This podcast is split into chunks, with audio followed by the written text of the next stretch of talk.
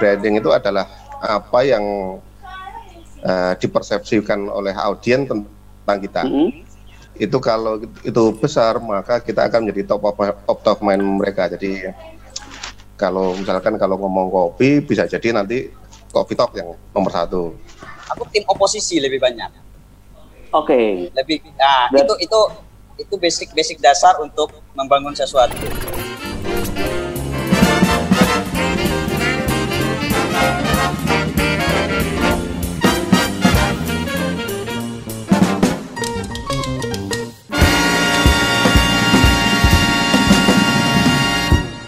Sing penting gacor cuy. Halo, selamat malam teman-teman semua. Selamat datang di live Instagram Coffee Talk yang kedua. Jadi ini adalah salah satu apa ya? Salah satu konten kami yang ki coba kita bikin live Instagram bareng-bareng. Bedanya dengan live Instagram yang lain adalah ki kali ini kita bisa rame-rame. Biasanya kan cuma dua orang. Nah, kali ini kita bisa berempat. Nanti ada dua narasumber yang keren. Narasumber yang keren-keren. Alah. Pokoknya nanti kita gacor-gacor sesuai bumpernya tadi. Sing penting gacor cu, tapi tentunya gacornya yang berfaedah. Di sini saya sudah sama Mas Agus selaku foundernya Coffee Talk dan nanti akan memoderatori acara ngacor kita. Mungkin ada sedikit pengantar dari Mas Agus tentang oh ya tema kali ini adalah branding dan strategi bisnis kedai kopi di era new normal. Nah, ini kata-kata new normal ini cukup keren akhir-akhir ini. Oke, langsung saja Mas Agus bisa dijelaskan sedikit tentang tema kali ini. Oke, terima kasih semua atas waktunya. Uh, selamat malam kawan-kawan, salam kenal semuanya. Bagi yang baru berjumpa dengan saya, sa salam kenal juga.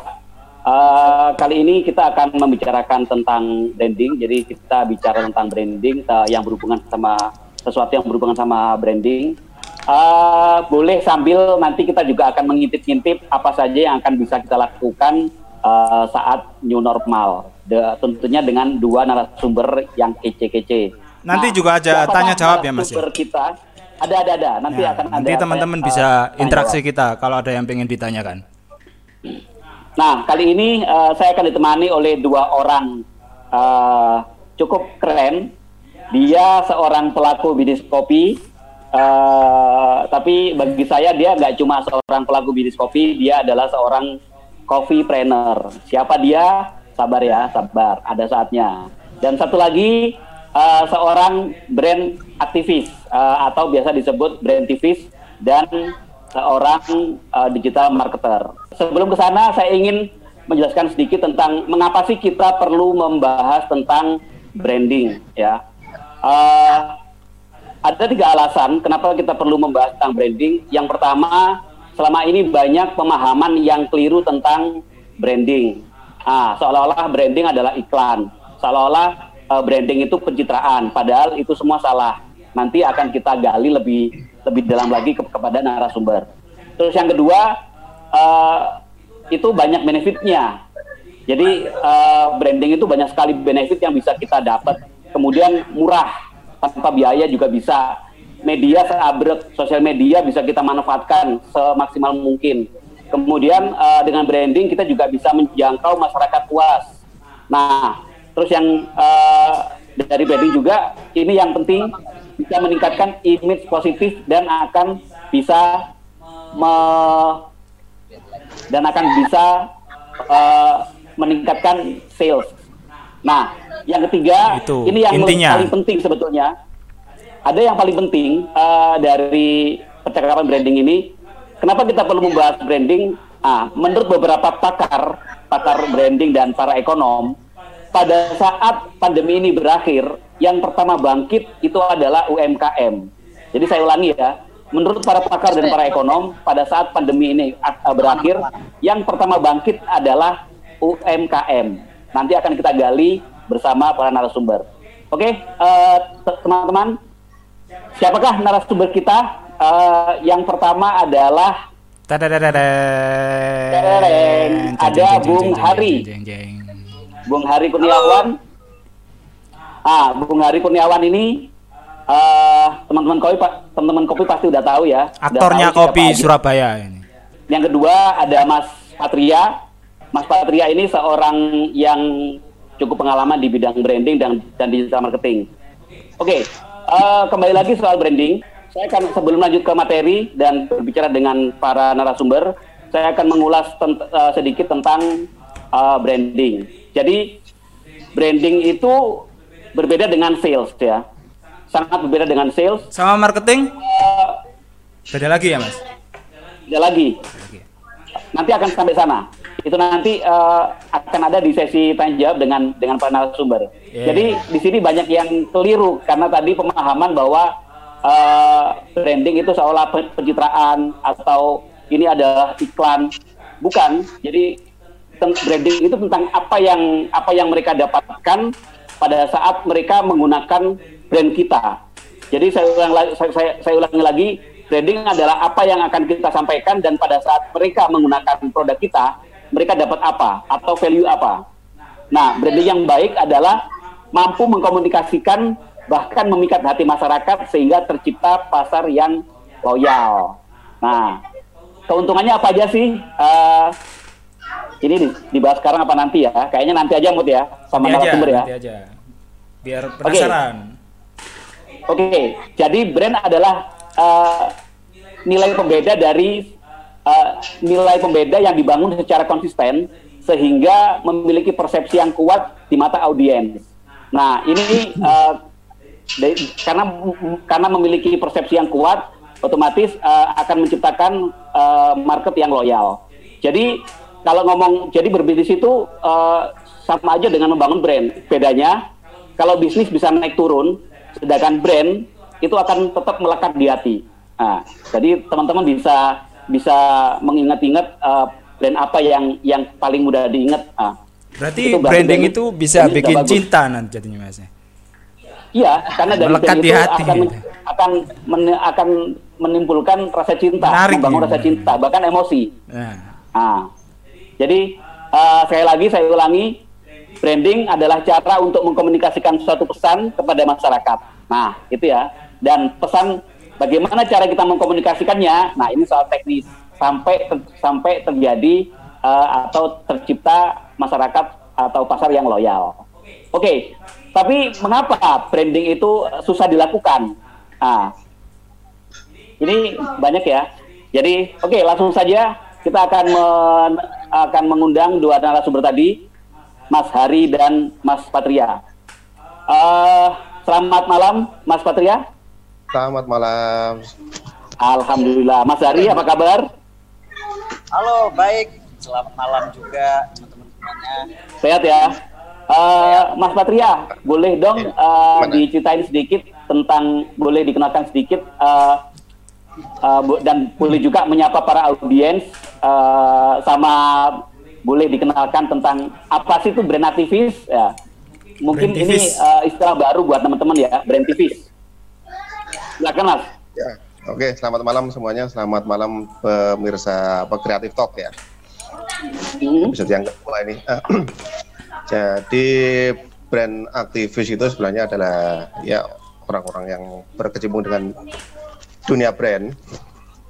Nah, kalau saya bilang saya pakar branding, sepertinya kejauhan. Saya, saya masih jauh dari, dari itu, tapi insya Allah saya sudah punya pengalaman yang ya cukup lama. Sehingga daripada dari tahun berapa saya, Pak Pat pengalamannya?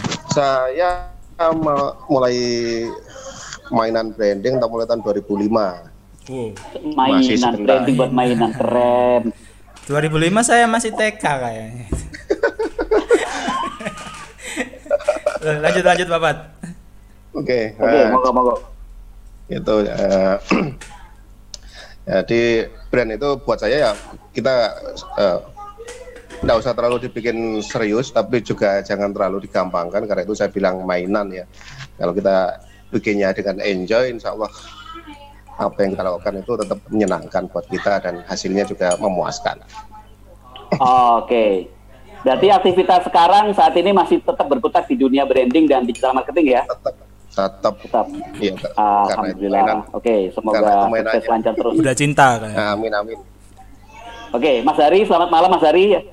Eh, boleh disapa para audiens, teman-teman. Silakan. Fanfest-nya Bang Hari ini banyak yang nonton ini fanfest-nya Bang Hari ini. Halo bro, semuanya bro sis. Ya kayak jualan gitu ya. Selamat malam. Kita malam ini ngacor-ngacor ya. Yo, Terima kasih nih Ya. buat Mas Agus, Mas Mod dan tim dari TikTok sama Mas Patria. Kita belum terlalu banyak ngobrol nih Mas, sambil tos di sini aja ya. Iya. sambil bercanda-bercanda di sini kita. Ya itu aja dulu Mas Agus, biar nanti bisa lanjut ke yang lain kita.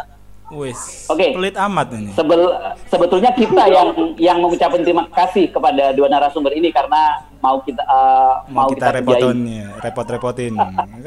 Eh, sebelum pembahasan lebih lanjut, saya ingin bertanya, eh, saya ingin men-challenge kedua eh, ke Mas Hari dan Mas Patria untuk menyebutkan lima brand lokal yang sukses dan hit terutama di saat ini atau saat pandemi ini. Lima brand lokal. Bisa dimulai dari Mas Hari dulu? Selain kopi nggak apa-apa Bang. Oh, Ya. kopi ya, bebas ya. Bebas. Bebas. Ah, Jangan Indomie tapi. lokal ini Indonesia ya. Iya, Indonesia, Indonesia. Bisa Indonesia atau regional, Jawa Timur boleh. Oke oke. Eh, untuk Indonesia, aku masih berpegang teguh kayaknya janji jiwa termasuk yang nomor satu dalam hal branding.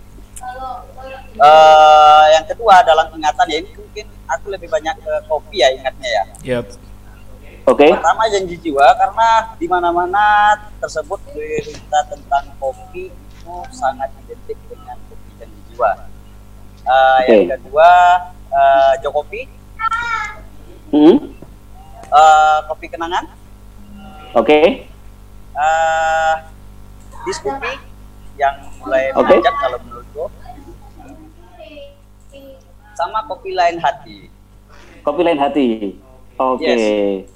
Kopi itu nggak masuk ya? iya. Harus lebih semangat ini brandingnya ini. Coba coba coba. Salah. Berarti kita harus berarti kita harus bergerak lebih lebih lebih Spartan lagi nih. betul rindu kopi Oke, aja saya ke- masuk loh tadi Oke, saya ingin ke Mas Patria. Mas Patria, menurut Mas Patria kira-kira mengapa mereka bisa sukses dan bahkan bisa survive di saat seperti ini? Nggak cuma survive, sukses lagi. Iya karena mereka sebelumnya itu memang sudah concern untuk bangun komunitas jadi pasarnya memang spesifik banget. Jadi itulah kekuatan branding adalah membangun komunitas yang loyal buat para audiensnya. Spesifik, spesifik ya. Oke, saya catat. Nanti ini, ini akan masuk dalam pembahasan. Eh, kalau dari Mas Patria sendiri, eh, mana aja brand-brand lokal yang itu bisa eh, menurut Mas Patria bagus dan eksis? Brand lokal ya. Brand lokal yang paling jelas ya Indomie. itu kuat banget. Ada lagi sa- ada lagi satu Mas. Teng Ya, teng teng teng teng teng. Itu pan brand, brand, brand luar itu. Tuh kan, tuh kan. Oh itu luar ya? Iya. Oh itu luar, Luar. ya? Oh, Luar. Oke. Oke. Eh, dari jadi eh, berarti kalau coba saya simpulkan pelan-pelan eh, membangun hmm, karena mereka bisa spesifik dalam menjangkau dalam mentarget marketnya ya dan kemudian bisa Membuat mendevelop komunitas. eh, satu eh, komunikasi yang bagus dan itu sesuai dengan goalnya mereka di awal begitu ya Mas Patria ya Iya kurang lebih seperti itu. Oke, eh, kemarin kita sempat polling Mas Patria. Eh, eh, be- ada beberapa pertanyaan umum yang memang sering sering menjadi pertanyaan kita. Lebih penting mana sih branding atau marketing? Dan itu hasilnya tipis-tipis. Patria dulu. Kemarin kita polling hasilnya kalau nggak salah 55 banding 45 persen. 45. Tipis. 5545. Branding sama marketing ya. Ya. Iya dua-duanya Ya. penting lah. Kalau branding itu penting. Ya, kalau branding itu kan gini, branding itu adalah apa yang uh, dipersepsikan oleh audiens tentang kita. Mm-hmm. Nah, Ya.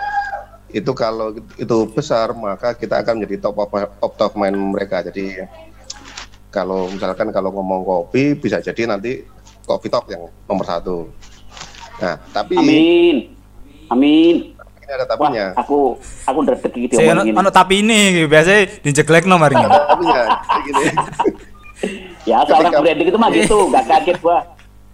ketika ada persepsi yang bagus seperti itu, ya kita harus juga deliver eh, apa service yang yang baik. Nah itu marketing masuk di situ. Jadi kita memberikan janji, kita memberikan janji, kita memberikan eh, pelayanan yang baik. Itu ma- marketing masuk di situ.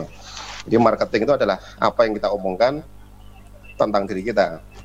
Sementara branding itu ada yang diomongkan orang lain tentang kita. Oke, berarti lebih so- ke soal persepsi ya. Dari apa yang kita Iya. sampaikan itu akan muncullah persepsi di audiens atau masyarakat Iya. atau pasar. Dari situ akan ada respon balik. Oke. Ya. Eh, saya coba ke Mas Hari. Mas Hari, eh, dalam menjalankan bisnis, eh, saya tahu lah, eh, saya ngikutin banget Mas Hari dan Rindu Kopi, dan men- menurut saya ini the one and only di dua tahun yang lalu. Eh, itu eh, ada kedai kopi kecil yang dulu kalau nggak salah namanya eh, identik dengan Bar Senggol. Tapi justru saya men- menemukan satu hal yang menarik di situ. Eh, karena di situ nggak ada wifi, wifi, tapi setiap hari nggak pernah sepi tuh. Nah, bagi saya ini something banget dan ini eh, sangat spesifik. Eh, dulu bisa diceritakan mas, eh, kenapa membuat seperti kedai kecil seperti itu tanpa ada wifi dan melawan arus, tapi justru survive dan menjadi poros baru dalam dalam industri kedai kopi. Oke. Eh, kalau dalam realnya semuanya sih lebih ke arah it flow ya. Kita mau seperti Hmm. apa kita kejar dulu. Kita pengennya seperti apa kita kejar dulu. Kebetulan kalau aku berbasic sebagai customer, aku adalah customer kopi di hampir banyak kedai dulunya. Dari situlah mempelajari, Oh. mereview, menganalisa apa sih kondisi yang ada dikaitkan dengan dikaitkan dengan apa namanya eh, kepribadian ya kalau aku bilang ini sih ke- kepribadian kepribadian yang tipikalnya lebih ke arah aku tim oposisi lebih banyak Oke, lebih nah itu itu itu basic basic dasar untuk membangun sesuatu oke. Eh, Bersifat pribadi op- ini, pribadi. Berposisi Gimana? sebagai oposisi, berarti juga mengkritik dirinya sendiri dong. ya betul Oke, ini Betul. sulit ini mas. Ini sangat sulit mas. ya nah ini agak agak aku juga bingung ini perspektif, eh, perspektifnya seperti apa cuman bercerita dulu ya sedikit bercerita Iya. Oke, Jadi ketika nyampe di Surabaya, eh, aku melihat ada suatu budaya yang berbeda dibanding beberapa tempat lain. Khususnya aku membandingkan dengan Jakarta. Eh, di mana di Jakarta, bagiku saat itu orang Jakarta ini eh, ekstrim. Kalau nggak sengak-sengak banget, baik-baik banget. Aku melihat posisi lainnya bukan di sengak atau baiknya enggak, tapi di segi beragam ya Jakarta ini. Ya? Ada sesuatu yang beragam dan ini yang tidak ditemukan di Surabaya. Hmm. Saat Oke. aku menjadi customer di Surabaya, menjadi customer eh, peminum kopi ya, pergi ke coffee shop apa pun yang kurasakan adalah hal yang sama. Nah, aku hanya ingin menjadi pembeda itu. Target utama adalah eh, mengambil pasar-pasar yang mulai jenuh. Itu inti pertamanya Hmm. dengan cara Oke, yang mungkin akhirnya secara teknis kita detailkan gitu, di warung. Memang dari awal pasar itu di mentargetkan pasar yang spesifik ya Mas Hari ya di awal ya. Ah, pada kenyataannya dari sudut pandang pribadi nih ya, ini ini bongkar bongkar bongkar apa namanya? Bongkar-bongkar dapur. bongkar kedok dikit nih. Nah, Bongkar panci eh, itu memang sangat spesifik. Tapi secara kampanye aku akan menyampaikan tidak spesifik. Oke. Jadi targetnya tetap secara luar, eh, secara luas, sangat luas sekali. Cuman eh, dalam bergeraknya tentu spesifik supaya kita lebih mendetail dan lebih terarah. Pokoknya begitu. Hmm. Oke. Eh, di masih ke Mas Hari. Mas Hari, in, sekarang kan di era new normal nih, ya kan? Semua berubah, tatanan berubah. Bahkan bisnis-bisnis pun uh, ada yang menutup, ada bahkan ada yang merubah core bisnisnya. Kapan hari kita mendengar yang di Sarina juga tutup. Uh, perasaan saya mereka nggak tutup, tapi mungkin bisa merubah core bisnis atau merubah pola bisnis. Nah, dari perubahan ini atau new normal ini, apa rencana ke depan yang akan dilakukan sama Mas Hari dan uh, bisnisnya? Oke, analisa pertama yang paling penting kalau menurutku sih analisa kondisi dulu ya dalam sebelum kita memutuskan kita mau ke mana. Uh, kita okay. mendapatkan informasi atau dalam sudut pandang pribadi uh, new normal yang dikampanyekan saat ini itu menurutku ya menurutku pribadi kita diarahkan untuk berbisnis di satu lini tersendiri. Uh, diarahkan okay. loh, maksudnya diarahkan lu berbisnisnya gini doang gitu, nggak boleh yang lain. Hmm. Gitu. Nah, terus terang aku akan mencoba melanggar itu. Hmm. Oke. Okay. Pelanggaran. Aku akan Kalau nggak melanggar bukan Mas Hari namanya. tapi dengan dengan dengan apa ya? Uh, kita masuk sebagai polisi tapi kita penjahat di sana gitu loh. Ya, ya, ya, paham, paham, paham. Memang memang kadang-kadang itu kita harus berani uh, breaking the rules. Making yes. mistake. Yes. And having yes. fun. Right? Yes. Akar yang tujuan utamaku. Oke. Okay. Jadi kalau pertanyaan yang tadi spesifiknya mau ke mana nih arahnya gitu? Uh, hmm. Ya ketika orang sangat berfokus di online, mungkin online akan menjadi prioritas kedua bagiku dan ini akan tetap yang pertama. Tapi dengan cara adaptasi yang cukup uh, ya tidak terlalu menanggap pola kalau tidak jadi kita mencoba menjadi oposisi tapi tidak rebel. Oke, okay, I see. Nah. Coba saya ta saya ta tafsirkan ya. Uh, berarti uh, akan ada modifikasi uh, penyesuaian dengan kondisi saat ini, tapi tidak merubah identitas dari bisnis yang sebelumnya, begitu ya? Ya betul, betul, lebih ke sana. Oke, okay. nah Mas Patria, saat ini uh, saat pandemi ini banyak orang ah udahlah nggak perlu nggak perlu gini-gini lah orang semua pada tiarap, ya kan? Uh, perlu nggak sih melakukan branding terutama saat pandemi kayak gini? Wah justru ini waktunya kita bikin branding habis-habisan. Pada saat semua orang Jadi lagi di Arab, kita muncul habis-habisan. Oke. Okay. Karena bagaimana? Apa tidak terkesan pemborosan, Mas? Wah, eh, seperti tadi saya bilang, branding itu kan hidupnya itu di persepsi audiens ya.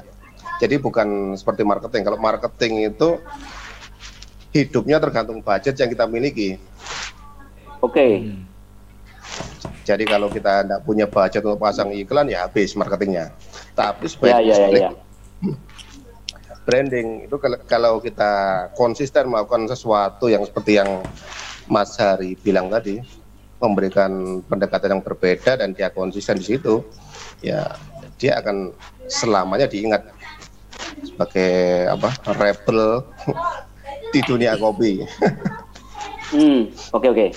Kem kemarin saya sempat diskusi sama teman ya, sama teman uh, diskusi yeah. tentang soal media hmm. dan era saat ini, sama juga uh, ada beberapa ada statement seperti ini mas. Sosial media itu overall sejujurnya itu didesain untuk para UKM karena sifatnya yang sangat personal. Nah, yeah. Ya. uh, akhirnya kan begini, ini uh, nanti kita sepakat nggak soal ini? kalau sepakat uh, bagaimana kita uh, mentreatment uh, media kita. Nah, kalau kenapa ini uh, sosial media itu tidak untuk korporasi? Karena korporasi sudah punya tempat sendiri yaitu apps, ya kan. Nah, sedangkan sosial media itu sebetulnya memang didesain untuk para UKM karena sifatnya yang personal. Bagi saya sendiri, saya sangat setuju karena dengan memanfaatkan itu kita bisa bisa melakukan banyak hal, bisa berinteraksi, bisa se, bisa promosi, bisa membuat campaign atau kegiatan berkolaborasi sama teman-teman dan itu sangat sangat menarik. Kalau menurut Mas Patria dan Mas Hadi sendiri uh, setuju nggak dengan statement seperti ini? Kalau buat saya hampir setuju. Oke. Okay. Hampir berarti ada Karena, yang nggak setuju. Ada nggak setuju? Hampir nih? setuju. Benar, Jadi benar. anak eh, sosial media itu sesuai dengan namanya memang tujuannya adalah untuk bersosialisasi, bersosialisasi jadi bukan cuma untuk apa UKM saja tapi Hmm. yang besar pun bisa pakai asalkan dia kembali pada apa ya eh, fungsi dasar dari sosial media itu tadi jadi berinteraksi selama dia melakukan interaksi maka dia layak untuk berada di sosial media tapi kalau dia cuma pasang iklan dan itu ya sudahlah itu kalau dia main di sosial media ya paling-paling cuma di skip aja lah Oke. Nah, kalau Mas Hari sendiri bagaimana? Ah, sosial media ya.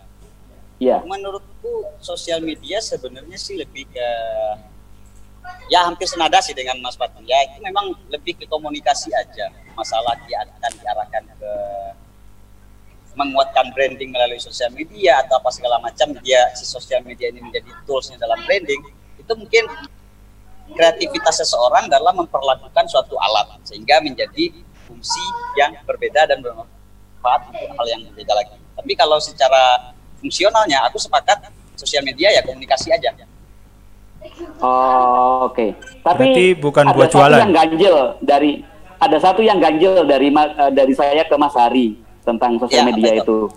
Eh, Mas Hari nggak pernah promosi dirinya sendiri ya, supaya dapat dapat gebetan gitu. Jodoh. Oke. Buka kartu ini Ini ada sekitar Ini pakai sosmed banyak yang ngeliat dating ya. sosmed paling. Pakai Tinder paling Bang Ari. Ya, tapi itulah sisi sisi menarik dan misteriusnya seorang Hari Kurniawan, putra putra Padang. Putra Iya Padang kemarin buat Pariaman. poster cari fotonya itu nggak ada. Fotonya Bang Ari mana nggak ada. Aku punya Oke, kembali ke-.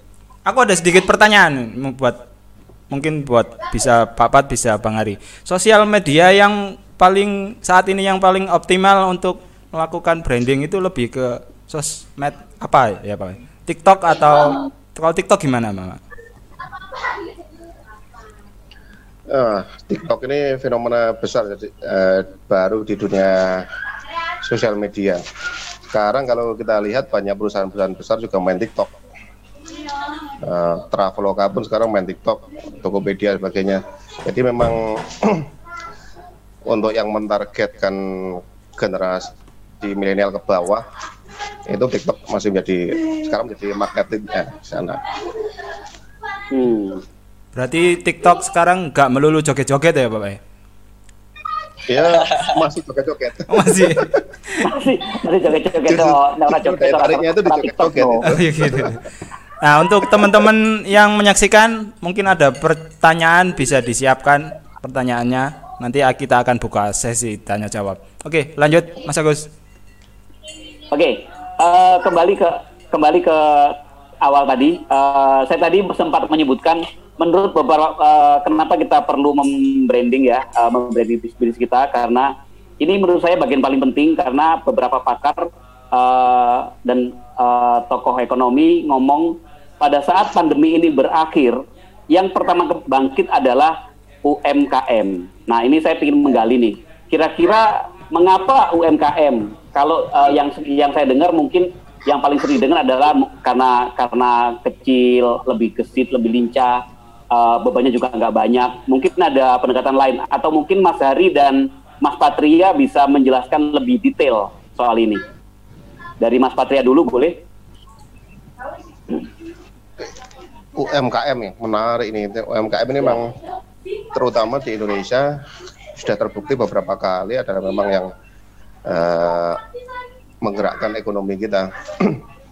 Jadi kalau kita lihat sekarang pun ya kalau kita jujur dalam kondisi yang di lockdown seperti ini itu masih banyak orang-orang yang datang ke warung kopi. Itu luar biasanya orang Indonesia. Oke. Hmm. Jadi eh, UMKM itu memang kuat di Indonesia karena memang dia perputaran ekonomi realnya di sini. Kalau Mas Hari Harusnya- bagaimana Mas? Ah, aku ya, ah, ini sudut pandang pribadi aku menilai sepakat sebenarnya UMKM akan menjadi fenomena yang nantinya akan survive duluan ya. Uh, alasanku karena UMKM ini di Indonesia ya termasuk yang paling tertindas. Oke, tertindas. Nah, Menarik. Karena saking tertindasnya semangat juangnya menjadi jadi lebih tinggi. Nah, ini pandemi ini menjadi seleksi alam sekali. Seleksi okay. alam sekali. Siapa yang akhirnya mau mau tetap survive, artinya dia akan berkarya sebesar-besarnya dan dia akan menjadi salah satu bagian di antara UMKM yang survive nantinya. Nah, okay. yang menyerah ya dia akan mati simpelnya begitu okay. karena Seleksi yang paling alam. terpengaruh Menarik ya yang paling terpengaruh di pandemi ini menurutku adalah si UMKM sendiri dari segi kita nggak bicara finansial ya kita nggak bicara seberapa persen kerugian ya, ya. segala hmm. macamnya hmm. tapi secara aturan yang lebih banyak memberatkan itu UMKM kalau menurutku jadi lebih banyak tertindasnya oke okay. ada regula regulasi-regulasi yang itu tidak berpihak ke UMKM ya Ya, betul. Oke, orang popo. Kita masih punya orang-orang seperti Mas Hari, punya orang-orang seperti Mas yeah. Satri yang support UMKM dengan caranya masing-masing. Uh, tanpa diperhatikan pun, toh tetap kita bisa hidup dan kita bisa berkembang, tumbuh dan yeah, berkembang. Setuju. Jadi masih ada Coffee Talk yang aja. bisa tempat buat sharing-sharing ah. Coffee Talk. Masuk. Oke, okay, tadi ada ada pertanyaan dari dari siapa tadi saya lupa. Ada dua yang sempat saya catat uh, bagaimana menilai sebuah branding itu berhasil atau tidak. Ini bisa ke Mas Patria kayaknya. Sama satu lagi tools apa? Tools branding itu apa aja yang bisa digunakan? Tadi ada di atas juga ada. Di, atas oh, juga ada pertanyaan ada. dari SRS 1875. Ya, betul. Gimana ada tips membangun branding dengan dana yang minim? Minim. Oke, itu pakai kuota aja akan cukup. Masuk materi selanjutnya. Oh, yang iya. materi tip itu akan masuk ke sesi selanjutnya. Oke, itu nanti bakalan dijawab. Ya, ya. Jadi yang dua dulu aja. Yang dua dulu. Bagaimana okay. menilai branding branding itu berhasil atau tidak? Terus kemudian yang kedua, tools apa yang bisa digunakan dalam melakukan branding? Silakan Mas Patria.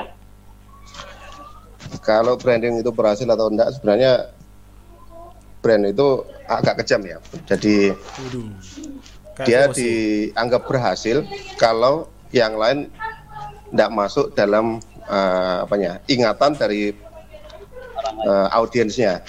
Seperti kalau okay. kita ngomong uh, air kemasan, ya semua bilang kok anu aqua, meskipun belinya, belinya bukan aqua. Jadi sampai kita hafal nadanya ya. Sampai hafal nadanya. Dan itu yang terjadi kalau kita lihat kenapa Indomie itu luar biasa uh, di saat pandemi ini karena orang apa uh, mindsetnya orang lagi susah itu ya makanya Indomie. Indomie. Oh. Anak kos makan Indomie. Kos ya. Bang Hari ini sering kayak makan Indomie. Sekali seminggu. Oh. Sekali seminggu. Oke, okay. Mas ke Mas Patria. Mas Patria, uh, ya. sekarang ini kan uh, sosial media sudah mulai banyak digunakan ya. Uh, bagaimana hmm. sih uh, supaya kita bisa memanfaatkan sosial media itu sebagai sarana branding kita? Kira-kira apa aja? Jadi kembali ke fungsi sosial media tadi. Jadi kita manfaatkan sosial media itu untuk tempat berinteraksi. Oke. Okay. Jadi bagi saya branding itu bisa di deliver dengan baik atau kalau kita melakukan yang namanya 3C. 3C itu pertama adalah continue. Ya, kalau hari ini jualan kopi, besok jangan jualan tempe. Orang nggak okay. akan tahu kita jualan apa. Ya, continue. Uh, kemudian kita melakukan secara konsisten. Jangan okay. hari ini buka, besok tutup dan sebagainya. Nah, kalau kita melakukan itu dengan nyindir ini waktu Pak, yang cukup coffee talk. Gak buka-buka. Sering, sering mampir pas tutup. Oke. Okay. Lanjut, lanjut. Jadi kalau kita melakukan melakukan continue dan konsisten dalam waktu yang rentang waktu yang cukup, nah, maka dalam benak konsumen kita akan mencapai suatu uh, tahap yang disebut sebagai kita punya kompetensi. Hmm, Oke. Nah, kalau kita dianggap sudah punya kompetensi, maka branding kita sudah mulai terbentuk. Oke, kompetensi. Nah, ini Mas Patria, teman-teman di kopi itu kan banyak yang punya passion bagus, tapi mungkin uh, pengetahuan tentang branding itu uh, kurang ya. Kira-kira ya. ada nggak tipsnya untuk membangun sebuah brand uh, secara sederhana? Kalau saya lihat, sebentar ya, kalau saya lihat Mas Hari ini sudah melakukan sebetulnya. Mungkin nanti Mas Hari juga bisa urun rembuk dari perspektifnya Mas Hari kira-kira tipsnya apa aja yang itu bisa di bisa dilakukan Oke, kalau untuk kedai kopi itu sebenarnya kan pekerjaan untuk menyajikan kopi ke meja pelanggan itu perjalanannya kan panjang sekali ya. Sebenarnya kita itu bisa memilih salah satu spesial spesial spesialis yang bisa kita kerjakan apa yang mau kita lakukan entah kita mau bikin kopi tubruk aja atau bikin uh, V60 yang diapain lah gitu. Nah, kalau kita konsisten itu menjadikan menu andalan kita dan kita publikasikan dengan baik, kita tunjukkan bagaimana caranya, bagaimana membuat kopi yang baik, maka nanti akan pelan-pelan kita akan menjadi uh, punya brand di bidang itu. Oke. Cuma dua aja mas, spesialis sama konsisten? Spe ya, kalau menurut saya paling gampang da, yang bisa kita lakukan itu ya continue dan konsisten. Hmm. Continue dan konsisten. Ya. Oh, okay. gampang dan paling susah itu sebenarnya. Iya, konsisten. Continue itu gampang, konsistennya yang susah. Sering menjadi masalah. iya. Itu aduh, satu kata tapi membuat kita bulat dan selalu mencari alasan pembenaran. Ya, itu memang pekerjaan okay. paling paling berat dari bangun branding adalah konsisten memang. Iya mas, itu terasa banget. Mungkin Mas Hari, tetapi saya melihat enggak loh Mas Hari ini nggak pernah. Uh, saya tidak melihat Mas Hari itu lelah. Saya lihat selalu semangat, selalu tersenyum dan mengerjakan itu uh, satu demi satu. Utun bahasa Jawa utun itu apa ya? Tekun, tekun. Bagaimana Mas Hari tip, tipnya bisa bisa uh, bisa melakukan itu semua? Sudah uh, anak rantau konsisten lagi. Mandiri mana ya? berdaulat. Hmm. karena jomblo makanya bisa uh, konsisten. Jomblo bahasa kekinian bahasa kekinian mandiri bahasa sopan oke. Oke kita coba ya. Aku kebetulan dalam sudut pandang seperti itu lebih memilih uh, tujuan utamanya apa dulu nih? Tujuan utama kita dalam okay. hal seperti ini apa dulu nih? Uh, perspektif pribadi kah atau perspektif dari umum? Nah, kenapa hmm. aku bedakan perspektif pribadi dengan perspektif umum?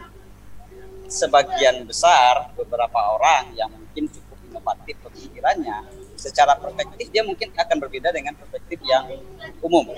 Umum ini okay. aku maksudnya adalah uh, sesuatu yang protokoler, uh, sesuatu yang diterapkan yang baik itu seperti apa sih? Maka ada jalurnya. Nah ini yang disepakati umum nah inilah sudut pandang umum yang menurutku. Tapi kembali lagi uh, ini kita harus memahami dua-dua perspektif ini perspektif ini. Kita harus tahu kita ini mau apa secara pribadi perspektif pribadi. Okay. kita lihat lagi perspektif umum seperti apa. Uh, okay aku mencari celah bagaimana menyeimbangkan di antara keduanya. Hmm. Menyinggung terhadap uh, ya uh, statement Mas Agus tadi yang menyatakan aku adalah seorang yang cukup bajin, cukup konsisten, cukup dan segala macam. Dalam real life-nya itu kebalikan. Oke. Okay. Oke, okay, itu sesuatu yang kebalikan. Nah, di sini di sini boleh nyombong nggak ya? Boleh ya? Boleh, boleh. boleh. Uh, Nyombong narsis. Uh. Nah, di sini salah satu hal yang membuktikan uh, bahwa ternyata apa yang kucitrakan selama ini berhasil. Nah, artinya ternyata yang kucitrakan selama ini berhasil buktinya Mas Agus menyampaikan perspektif yang seperti itu itu adalah perspektif yang memang kuharapkan orang menilaiku seperti itu Tapi sekarang saya udah Jadi- berubah perspektifnya. Berarti gagal. oke kan baru tahu kan baru tahu. Ini akhirnya yang lain juga tahu ya? Iya. tapi nggak apa-apa memang seperti itu. Aku, aku terus terang lebih suka yang seperti itu eh, karena tanpa yang memandang perspektif seperti itu terus terang adalah orang-orang yang mungkin tidak setiap hari bertemu denganku. Malah orang yang akan setiap hari bertemu denganku aku gagal memberikan branding kepada mereka mereka lebih memahami real life-ku seperti apa. Nah contohnya Oke. teman-teman di kedai anak-anakku di kedai dia akan memahami. Mungkin beberapa orang yang di tim di kedai salah satu faktor pendorong mereka untuk mau bekerja sama di tim adalah wow bang Ari ini keren ya ini, ini segala macam. Ya itulah perspektif dia ketika belum masuk ke dalam lingkungan itu. Tapi ketika ada masuk mereka terbiasa dengan hal-hal yang berbeda dari apa yang dia lihat. Perspektif mereka berbeda. Nah eh, kaitannya dengan Mas eh, Patria tadi eh, adalah bagaimana kita membuat sesuatu image yang baru walaupun itu bertentangan diri dengan diri kita sendiri tapi kita paham tujuannya ke arah mana Oke. aku nggak tahu nih membahasakannya seperti apa tapi kira-kira seperti itu Mas Bagus Oke oke. Tapi menarik sih mas, pada saat orang-orang yang terlibat dengan Mas Hari dan kemudian mengetahui real life-nya, itu mereka juga akan akan eh, kalau eh, semakin apa ya banyak yang diketahui, eh, justru itu yang akan melekat nanti. Dan Ya. teori branding itu seperti itu, benar ya Mas Patria ya? Ya. Oke, eh, sambil nunggu pertanyaan dari teman-teman bisa saya lanjut. Oke, Mas Patria dan Mas Hari saat Ya. ini semua sedang eh, semua sedang sambat. Eh, apa sih kira-kira kiat-kiat supaya kita bisa survive dan eh, bisa melewati krisis ini dan siap dengan hal baru pada saat ini selesai dan kita tumbuh tumbuh menjadi hal baru dan itu sangat positif. Apa kira-kira? Bisa dari Mas Patria dulu? Oke, eh, sebenarnya kita itu sekarang eh, terjebak dengan ketakutan kita sendiri. Ya. Kita Oke. ngom kita ngomong Nice. eh, new normal dan sebagainya itu sebenarnya kan setiap saat kita itu sebagai pelaku industri itu memang harus selalu melakukan inovasi. Jadi new normal itu sebenarnya bagian dari new nor- normal dari eh, para pelaku industri apa pun yang terjadi. Nah, jangan sampai kemudian istilah-istilah baru dan informasi-informasi di luar itu membuat mindset kita menjadi eh, justru semakin sempit. Kalau kita takut dengan kondisi kita sendiri saat ini, maka ya kita tidak akan bisa memikirkan sesuatu inovasi yang selayaknya. Oke. Jadi bagi saya ya kita tetap apa eh, melakukan inovasi itu seperti layaknya pengusaha biasa aja. Oke. Berarti kita tetap eh, jalan seperti apa adanya gitu ya. Iya. Dengan melakukan inovasi yang sesuai dengan kondisi saat ini sih. Oke.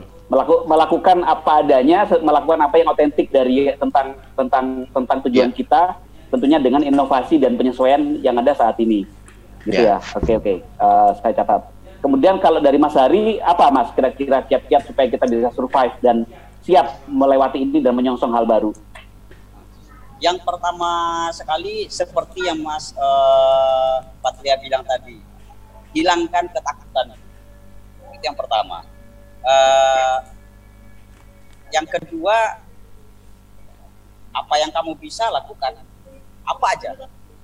Jangan bergantung terhadap apa pun yang lain-lain atau segala macam. Bahwa apa yang kamu bisa lakukan. Misal, misal, aku mungkin lebih senang mencarikan perspektif kepada beberapa teman-teman yang kebetulan adalah bekerja di sebuah perusahaan yang akhirnya dirumahkan atau apa pun segala macam.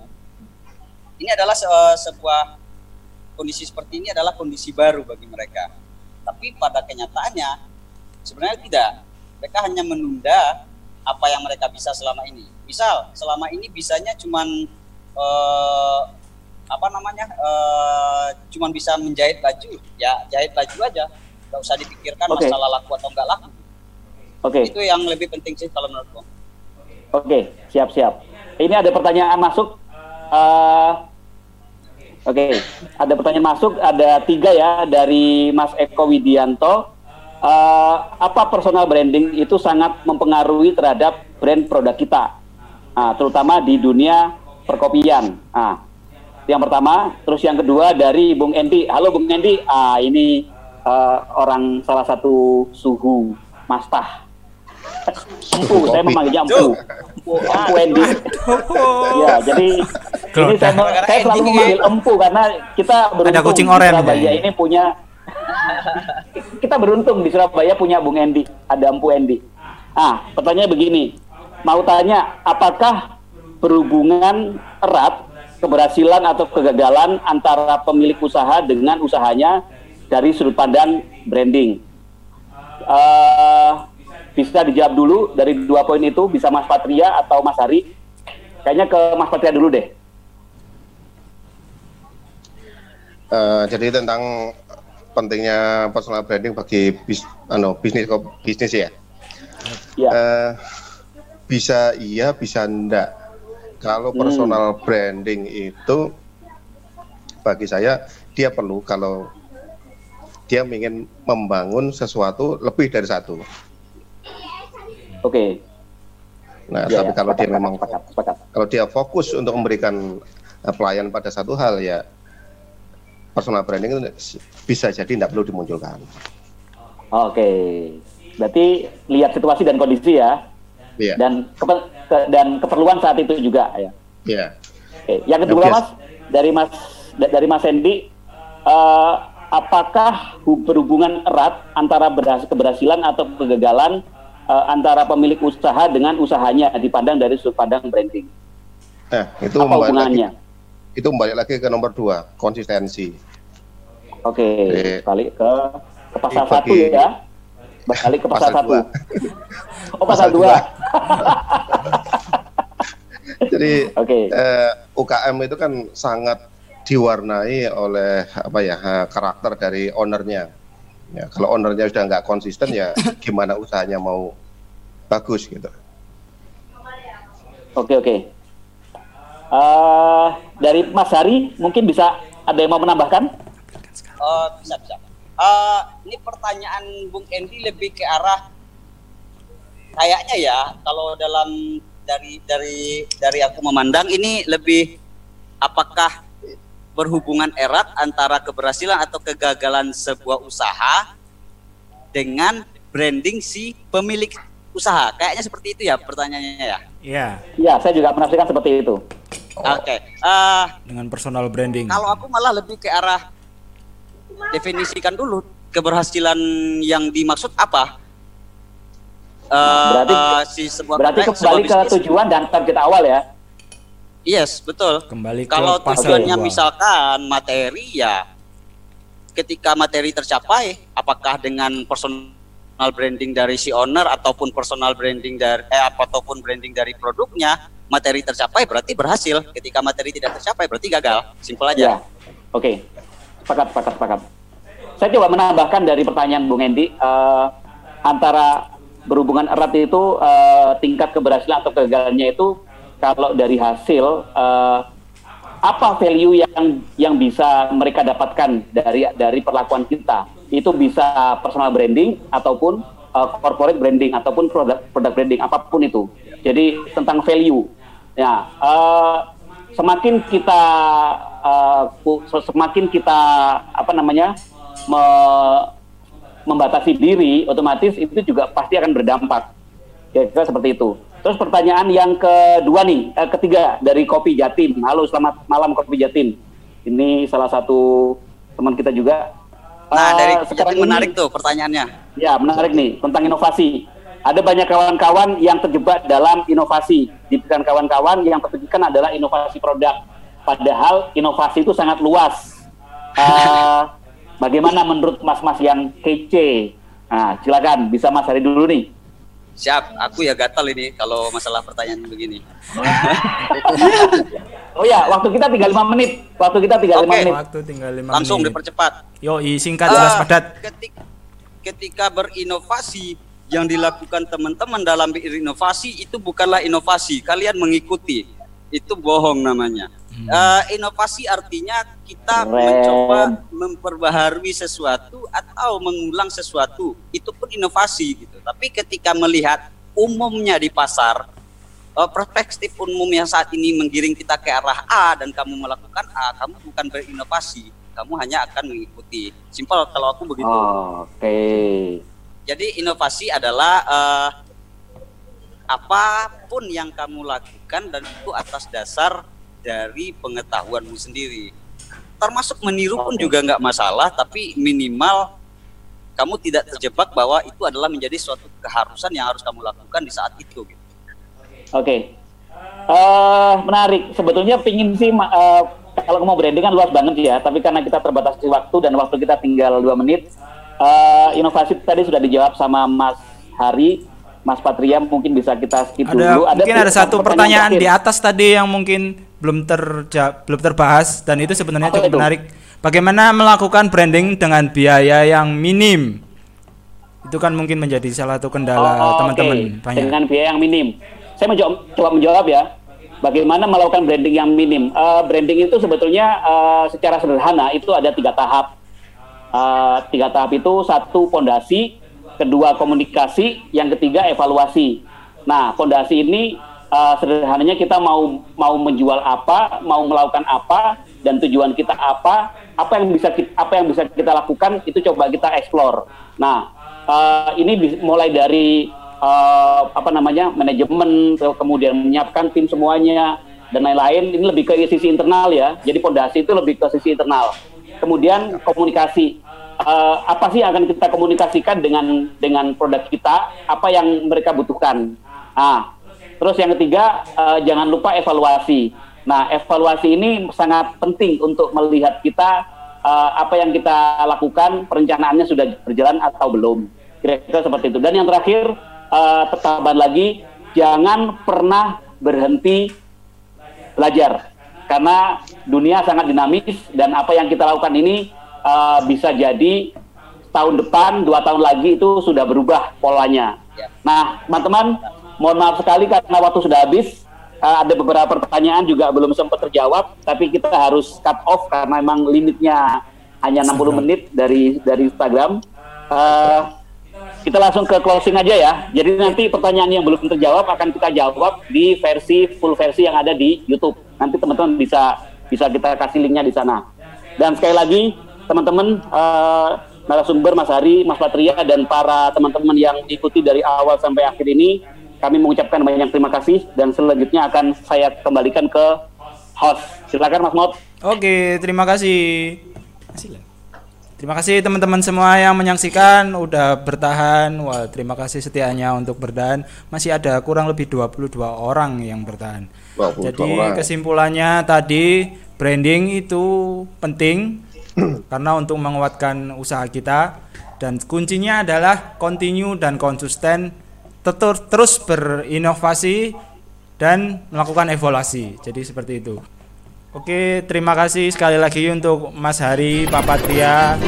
Ini kita udah stop di Instagramnya. Jadi kita iya. Bener. matiin, matiin.